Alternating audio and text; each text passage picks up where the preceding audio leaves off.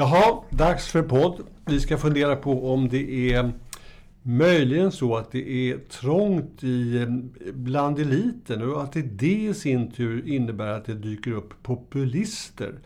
Det här är en krönika som Lisa Irenius skrev i Svenska Dagbladet för ungefär tre veckor sedan. Och hon menar, försöker mena i alla fall, eller försöker bevisa att eh, det kan vara så att populister som vi ser till exempel i Ungern eller i Polen eller i USA egentligen inte är så himla populistiska. Det vill säga att de kommer inte från ett folkdjup utan snarare att det är enskilda personer som i brist på att hitta en egen ställning försöker värva väljare och eh, sympatisörer genom att hävda åsikter som är lite annorlunda än de konventionella åsikterna i de redan etablerade partierna. En rätt svårsmält eh, teori tycker jag, men den är jävligt intressant. Vi ska se om vi kan bena ut lite grann ur det här.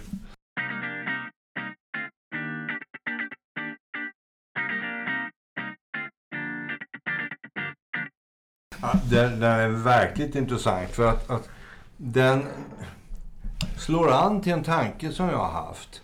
Hur kan detta välutbildade land helt plötsligt bli sverigedemokratiskt? Och kan, kan det vara så enkelt som hon säger? Nej, jag brukar vara arg på Moderaterna och sossarna för att de släppt fram Sverigedemokraterna. Men kan det vara så enkelt så att ett antal smarta akademiker i Lund tänkte så här, nej, slå sig fram med sossarna eller Moderaterna går inte. Så vi hittar på något nytt.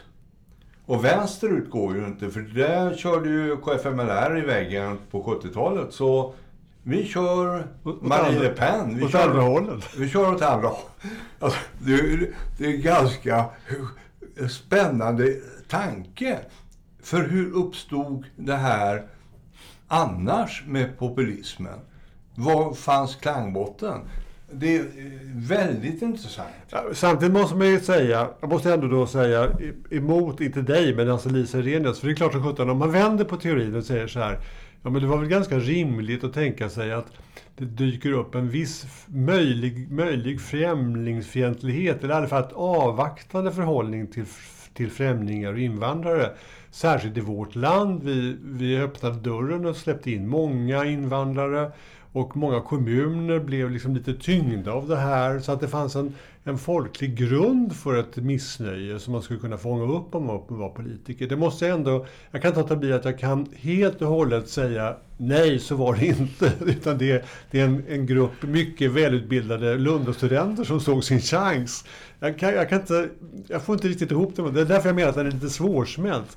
Men, men eh, ja... Hur som helst, jag tror det är intressant att följa den vägen som du just stakade ut. De, de, en grupp som inte hittar en egen plats av välutbildade Lundastudenter och säger att den här vägen tar vi. Ja, alltså, det där var ju lite i stundens ingivelse. Jag, jag gillar den här artikeln.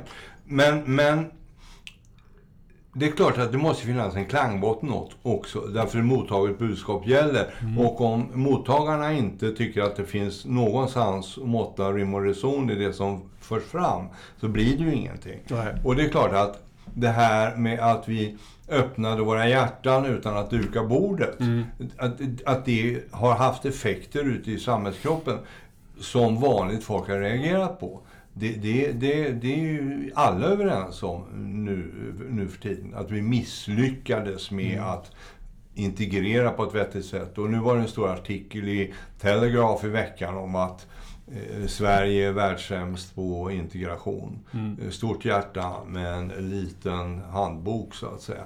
Och, och, så, så att det är klart att där min gamla anklagelse mot M och S att de har släppt fram SD, den håller jag ju fortfarande vid liv. Det, det får jag säga. Men det är klart att man skulle kunna säga så här. Egentligen är det väl kanske så att om man verkligen om man verkligen tittar på hur svenskar förhåller sig till invandrare och utlänningar så är vi ju, tror jag fortfarande, förhållandevis liberala. Vi har en förhållandevis öppen attityd till det. Och där det visar sig att integrationen fungerar någorlunda så är det ändå så att folk tycker att det är okej. Det, visst, det finns ett annat problem, men det är inte så att vi hatar de som kommer från andra länder än- eller andra kulturer.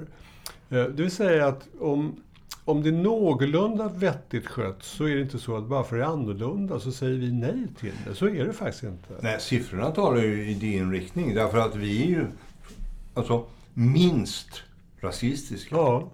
Enligt Ja, undersökningar. Ja, visst. Sen finns det ju sådana som eh, gamla chefen för Nyans och säger Ja, att ja. vi är värst i världen Ja, på ja, vara rasister. Men, Visst. och strukturell rasism i alla riktningar. Mm. Men jag tror att alltså, den vanliga reaktionen i, i Sverige är att ja, men, du är som du är fram, fram till Mm. du bevisar att du är någon annan. Och Ja. då kan vi vara arga på dig eller gilla dig. Ja. Och så, att, så att, jag tror att vi är väldigt fördomsfria. Ja, och, och, och om vi fortsätter på det, då skulle man kunna säga så här att det är Sverige egentligen.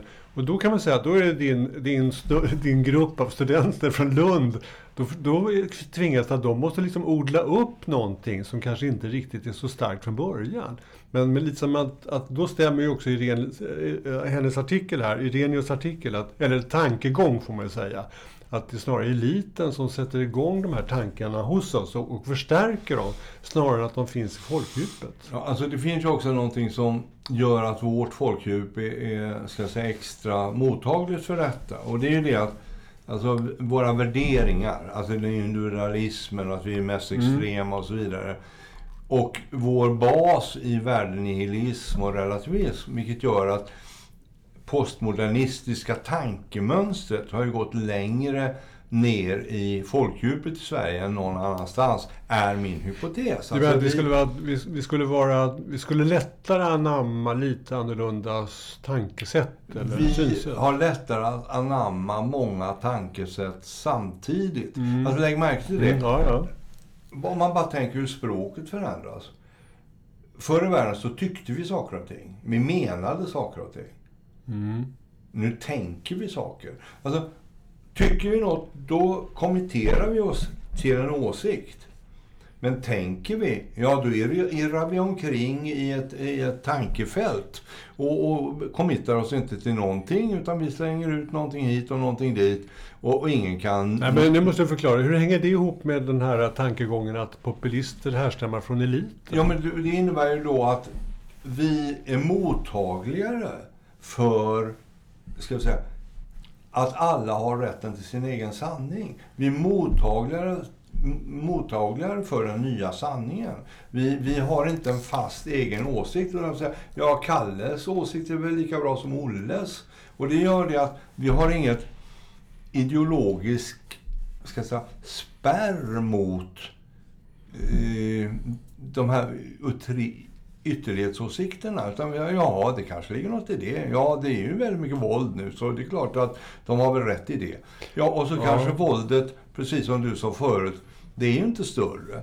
Det Ja, annorlunda. ytliga Ja. våld som rapporteras är Mm. annorlunda. Folk Visst. skjuter ihjäl varandra. Visst. Men totalvåldet ökar inte. Nej. Och det är klart, då, då blir vi ju lättmottagliga. Ja, Men jag undrar, kan, alltså, ehm, kan det vara så att eh, det är en annan sida men av samma mynt? Alltså det som jag, som jag själv då hävdar att vi kanske inte är så främlingsfientliga egentligen, i grund och botten. Vi är beredda att acceptera att det kommer hit människor som ser annorlunda ut och talar lite annorlunda och till och med tänker lite annorlunda.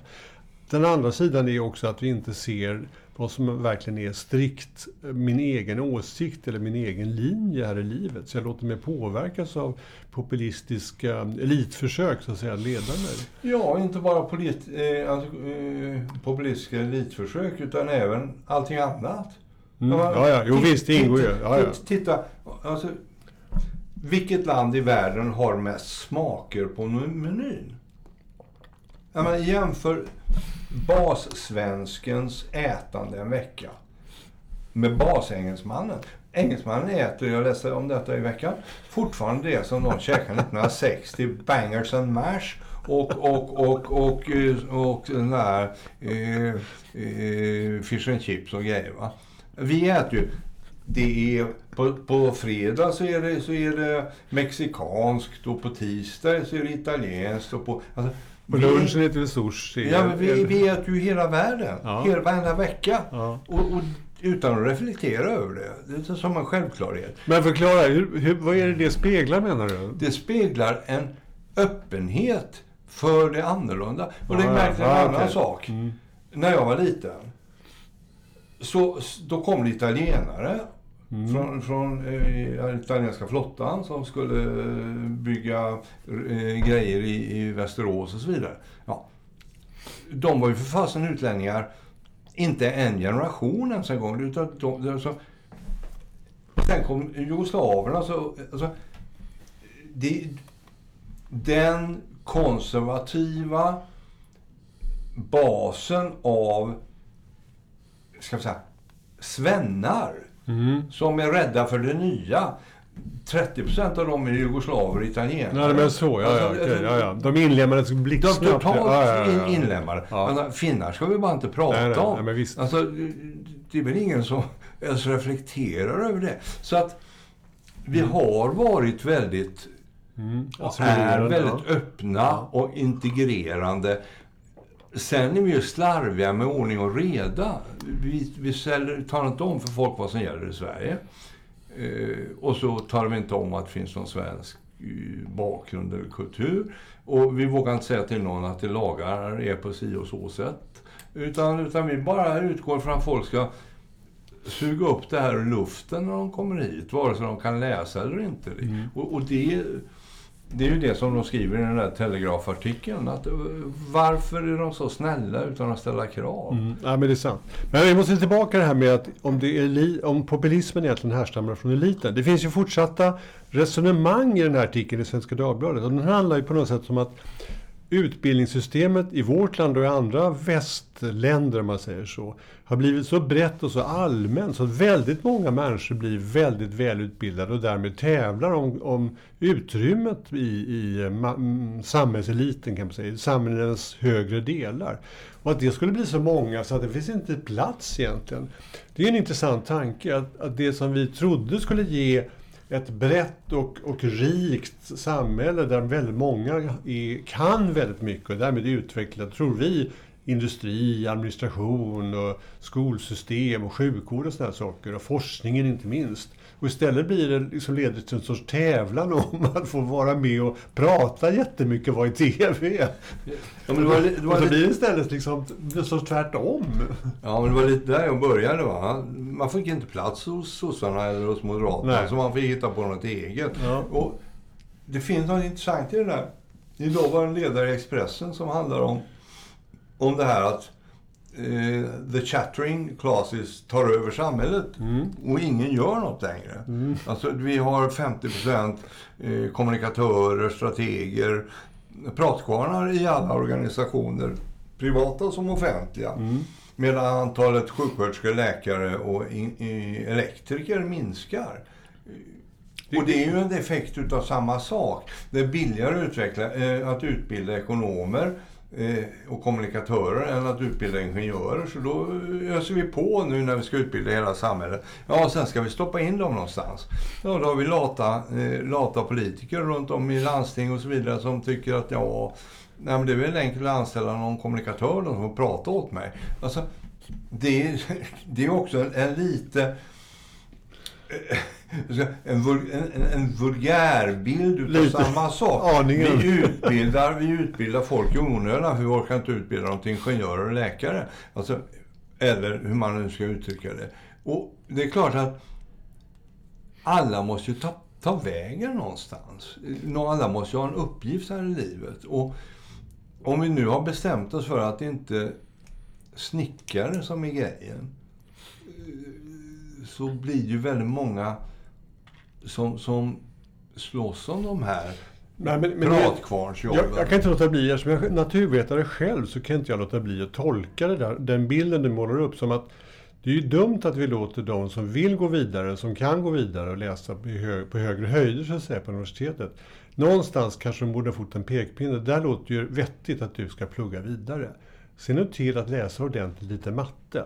Därför det som verkligen världen kommer att skrika efter är de som kan matematik och sen datateknik. Och sen kan du ägna dig åt oerhört intressanta arbetsuppgifter, kanske i närheten av det som du verkligen gillar. Men med IT och teknik i botten. Oavsett om du är, vill ägna dig åt filosofi, eller musik eller litteratur, så kan du bara använda datorer så kommer världen ligga framför dig.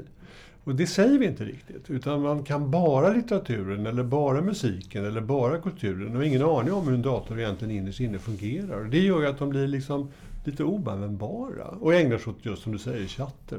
Det där är lite sorgligt egentligen. För tänk om de kunde IT så skulle de verkligen kunna fortsätta utveckla vårt samhälle. Ja, alltså, och det där, vad det är som gör att vi inte vågar ställa krav, mm. varken på oss själva eller på någon annan. Det, det, och vad har det för effekter på samhällskroppen? Och vad är det som gör att, att hela Västeuropa i alla fall, västvärlden vet jag inte, men är åt, på väg åt samma håll? Alltså att, att man på något sätt... Nej, den, där är svår, den där är svår att tolka. Och det, ibland kan man inte komma... Man kommer inte på så mycket mer än att säga så här Ja, men i Asien så är man inte så bekymrad över det här. Man säger till ungarna, läs läxorna för guds skull. Du måste kunna matte. Mm. Du, ska ju, du ska ju bli något.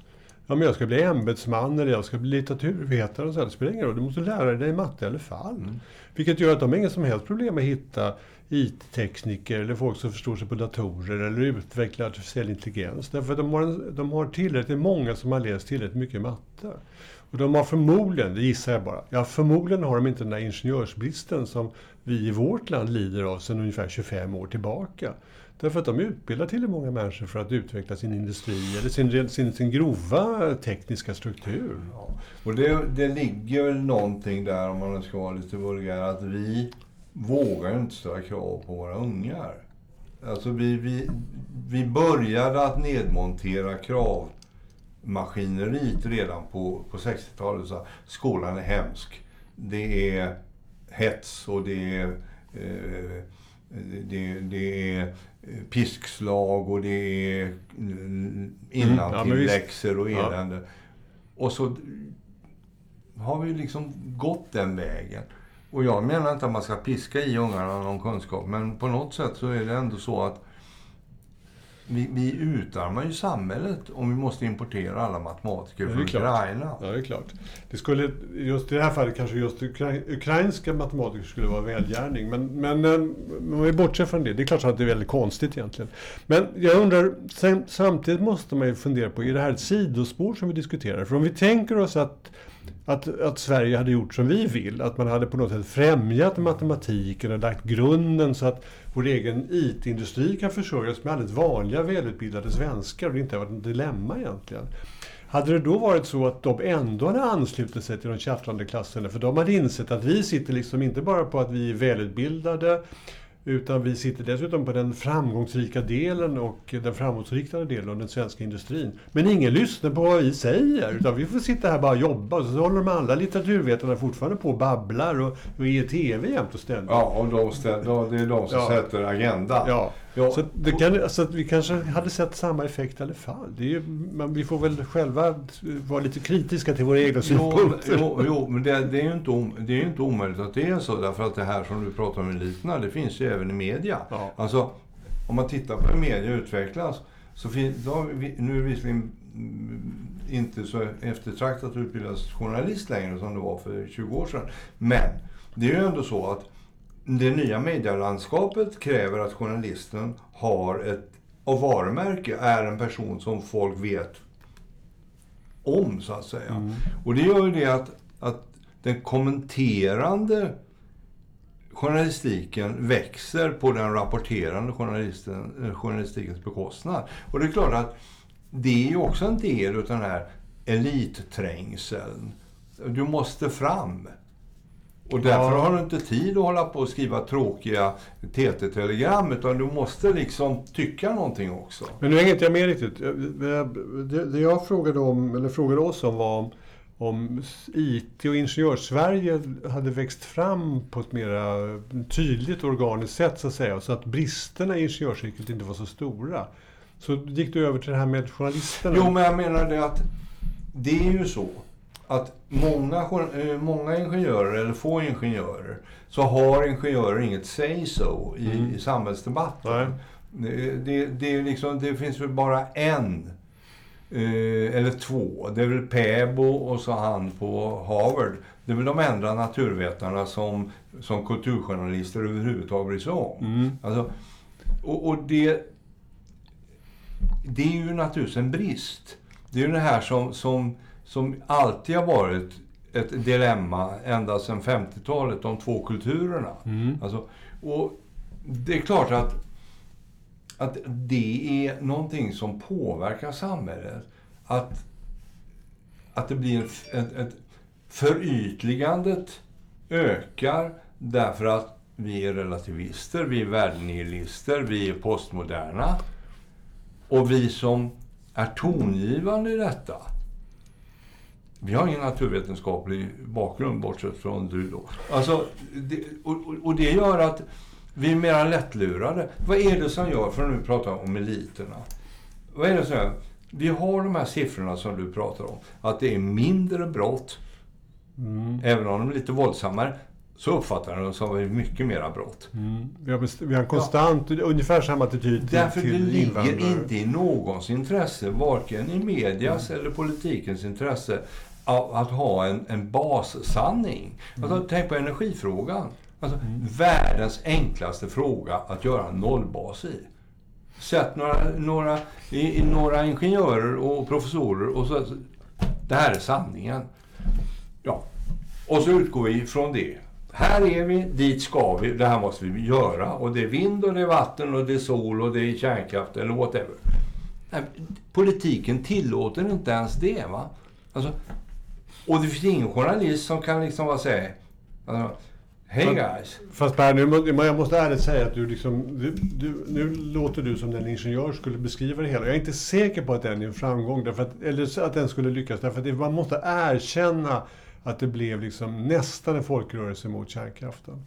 Det, det, vi måste ta med det i beräkningen. Det var så. Och den, den, den spräckte alla ingenjörsdrömmar, det får man också erkänna. Den, den ändrade plötsligt hela ingenjörskursen. För, att, för om inte den hade dykt upp så, så fanns det ju precis en sån plan, precis som du beskriver. Och den var ju byggd, den, den, den Ja, sex- vårdades av Socialdemokraterna men byggdes av ingenjören, eller ritades upp av ingenjören. Ja. Absolut så. Jo, Precis så. men, och det där är intressant när det gäller temat, va? eliternas svek på sätt och vis. För det är ju så att när vi har denna folkrörelse, då inser ju eliten att folkrörelsen håller på att undergräva hela samhällets bas. Mm. Ja, då uppfinner elitismens elitföreträdare nummer ett, nämligen Olof Palme, alternativ två. Ja. Som ju är en jättestor bara... Nu lurar vi Mm, både byggarna Ja, och nedläggarna och så kör vi ett svenskt mellanspår. Sen har det spåret gått lite för långt och gått i diket under de senaste 20 åren. Det är en annan sak. Men alltså, det är ju redan där börjar ju det här att om samhället går fel så använder eliterna vilka medel som helst för att ska vi säga, företräda sina egna intressen.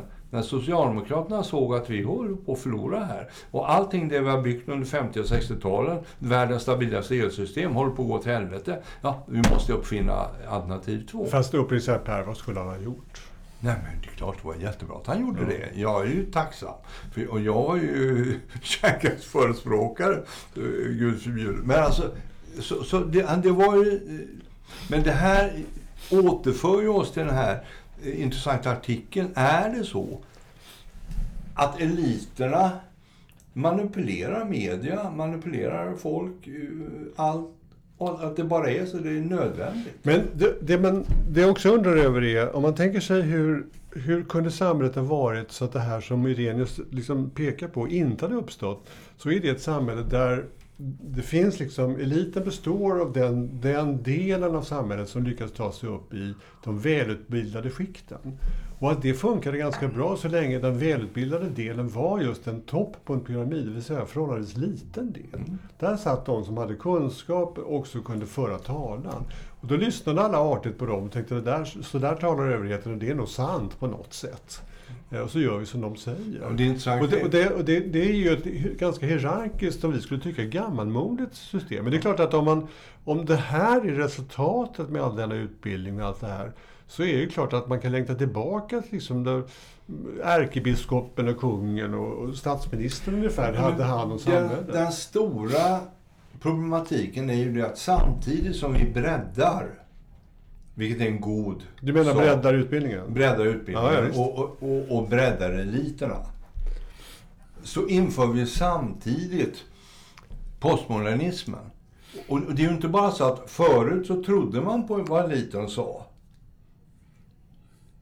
Det hade man kunnat göra nu också, fast den hade varit större. Om vi inte hade infört den här tvekan och tvivel Men i det- vår bildning. Så. Men, men det- hänger de inte ihop? För att, kan man tänka sig den här breddningen utan att man hade gjort det? Det undrar jag. Undrar om inte de är... Att Nej, men jag går- tror inte de är ett dugg postmoderna i, i eh, Frankrike. Eller, där gäller nog Descartes fortfarande, eller i England. Jag, jag tror att de tror på sanningar på ett annat sätt än vi gör. Men det kan ju vara en fördom. Alltså att jag baserar mig på det här sociogrammet där vi är längst upp i hörnet. Mm. Ja, jag liksom. förstår.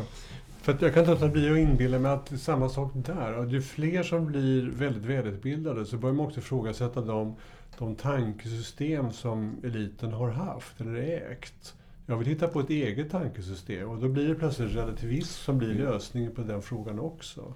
Förstår du vad jag menar? Att, att liksom, ja, men jag är också professor i statsvetenskap men jag kan inte tycka lite grann som... Jag kan inte falla in i den traditionen på Stockholms universitet. Jag måste ju ha en egen linje på något sätt. Ja. Och så börjar det som en utveckling. Ja, ja, delvis så, men det kan ju också vara ett ifrågasättande som leder till liksom sort, det, det postmodernistiska, relativistiska Ja. sättet att se. Att det liksom allting... Ja, men det, det finns något i ett förytligande utav all kunskap också. Eh, Jag läser eh, Fogh Rasmussens memoarer nu. Mm. Det är väldigt intressant att se skillnaderna mellan Danmark och Sverige. Och där finns det en passus som jag tycker är rätt intressant. Han, han berättar om sina ekonomistudier på universitetet i Århus. Och då, det här är ju, han är ju i, ungefär lika gammal som jag, så han har ju varit med om det här 70-talet, när allting ändrades. Och i Danmark hände saker ungefär som i Sverige. Man tog bort den, den filosofiska dimensionen ur ekonomistudierna. Alltså, det här som gjorde att det fanns ett djup i ekonomistudierna försvann 70 och ersattes utav ren teknikalitet. Och, och Fogh Rasmussen säger det att det, det var en stor förlust för jag hade velat läsa de gamla Hobbes och alltså eh, de gamla eh, mm konservativa, liberala, socialistiska och så vidare ur en filosofisk synpunkt och inte bara det här som var resultanten i alltså post andra världskrigets effektivitets eh, och keynesianismen så att säga. Och, och det, det, det är någonting där, för vi har tagit bort allt sånt.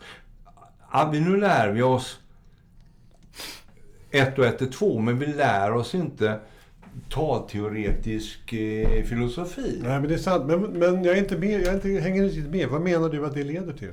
Jag, det, jag tror det leder till brist på eftertanke. Ja. Alltså, det leder till att Visst. vi, är lätt, mera lättförförda. Alltså förut trodde man på de här auktoriteterna, Mm. de grå gubbarnas eh, ska vi säga, hegemoni på 60 och 50-talet. Eh, nu tror vi inte på någonting.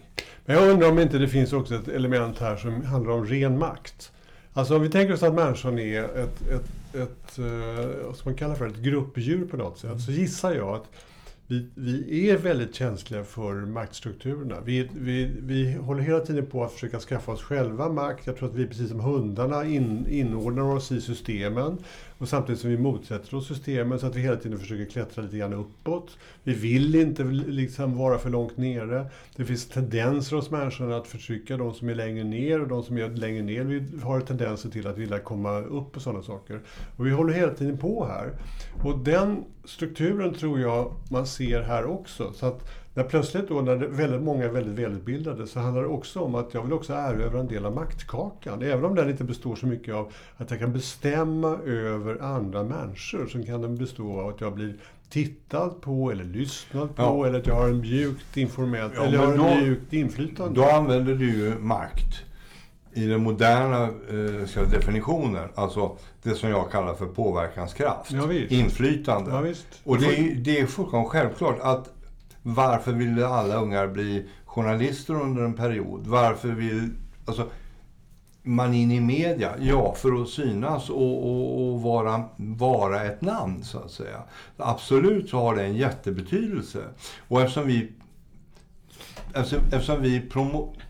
Alltså det är högre poäng på att vara framåt i den delen av världen än att vara effektiv på att göra nya eh, turbiner på Stallavall. Så, så är det klart att man, man strävar åt det hållet. För det är ingen som vet hans, vad han heter, han som sitter och, och ritar på, på turbinbladen. Ja, men ja, fast jag skulle kunna invända mot det och säga så här. Då blir det så att maktsträvandet blir, blir faktiskt, kan till och med bli negativt för mig. Inte negativt, men det kanske inte är så att jag vinner det jag borde vinna som person. Därför att man kan nog tänka sig så här.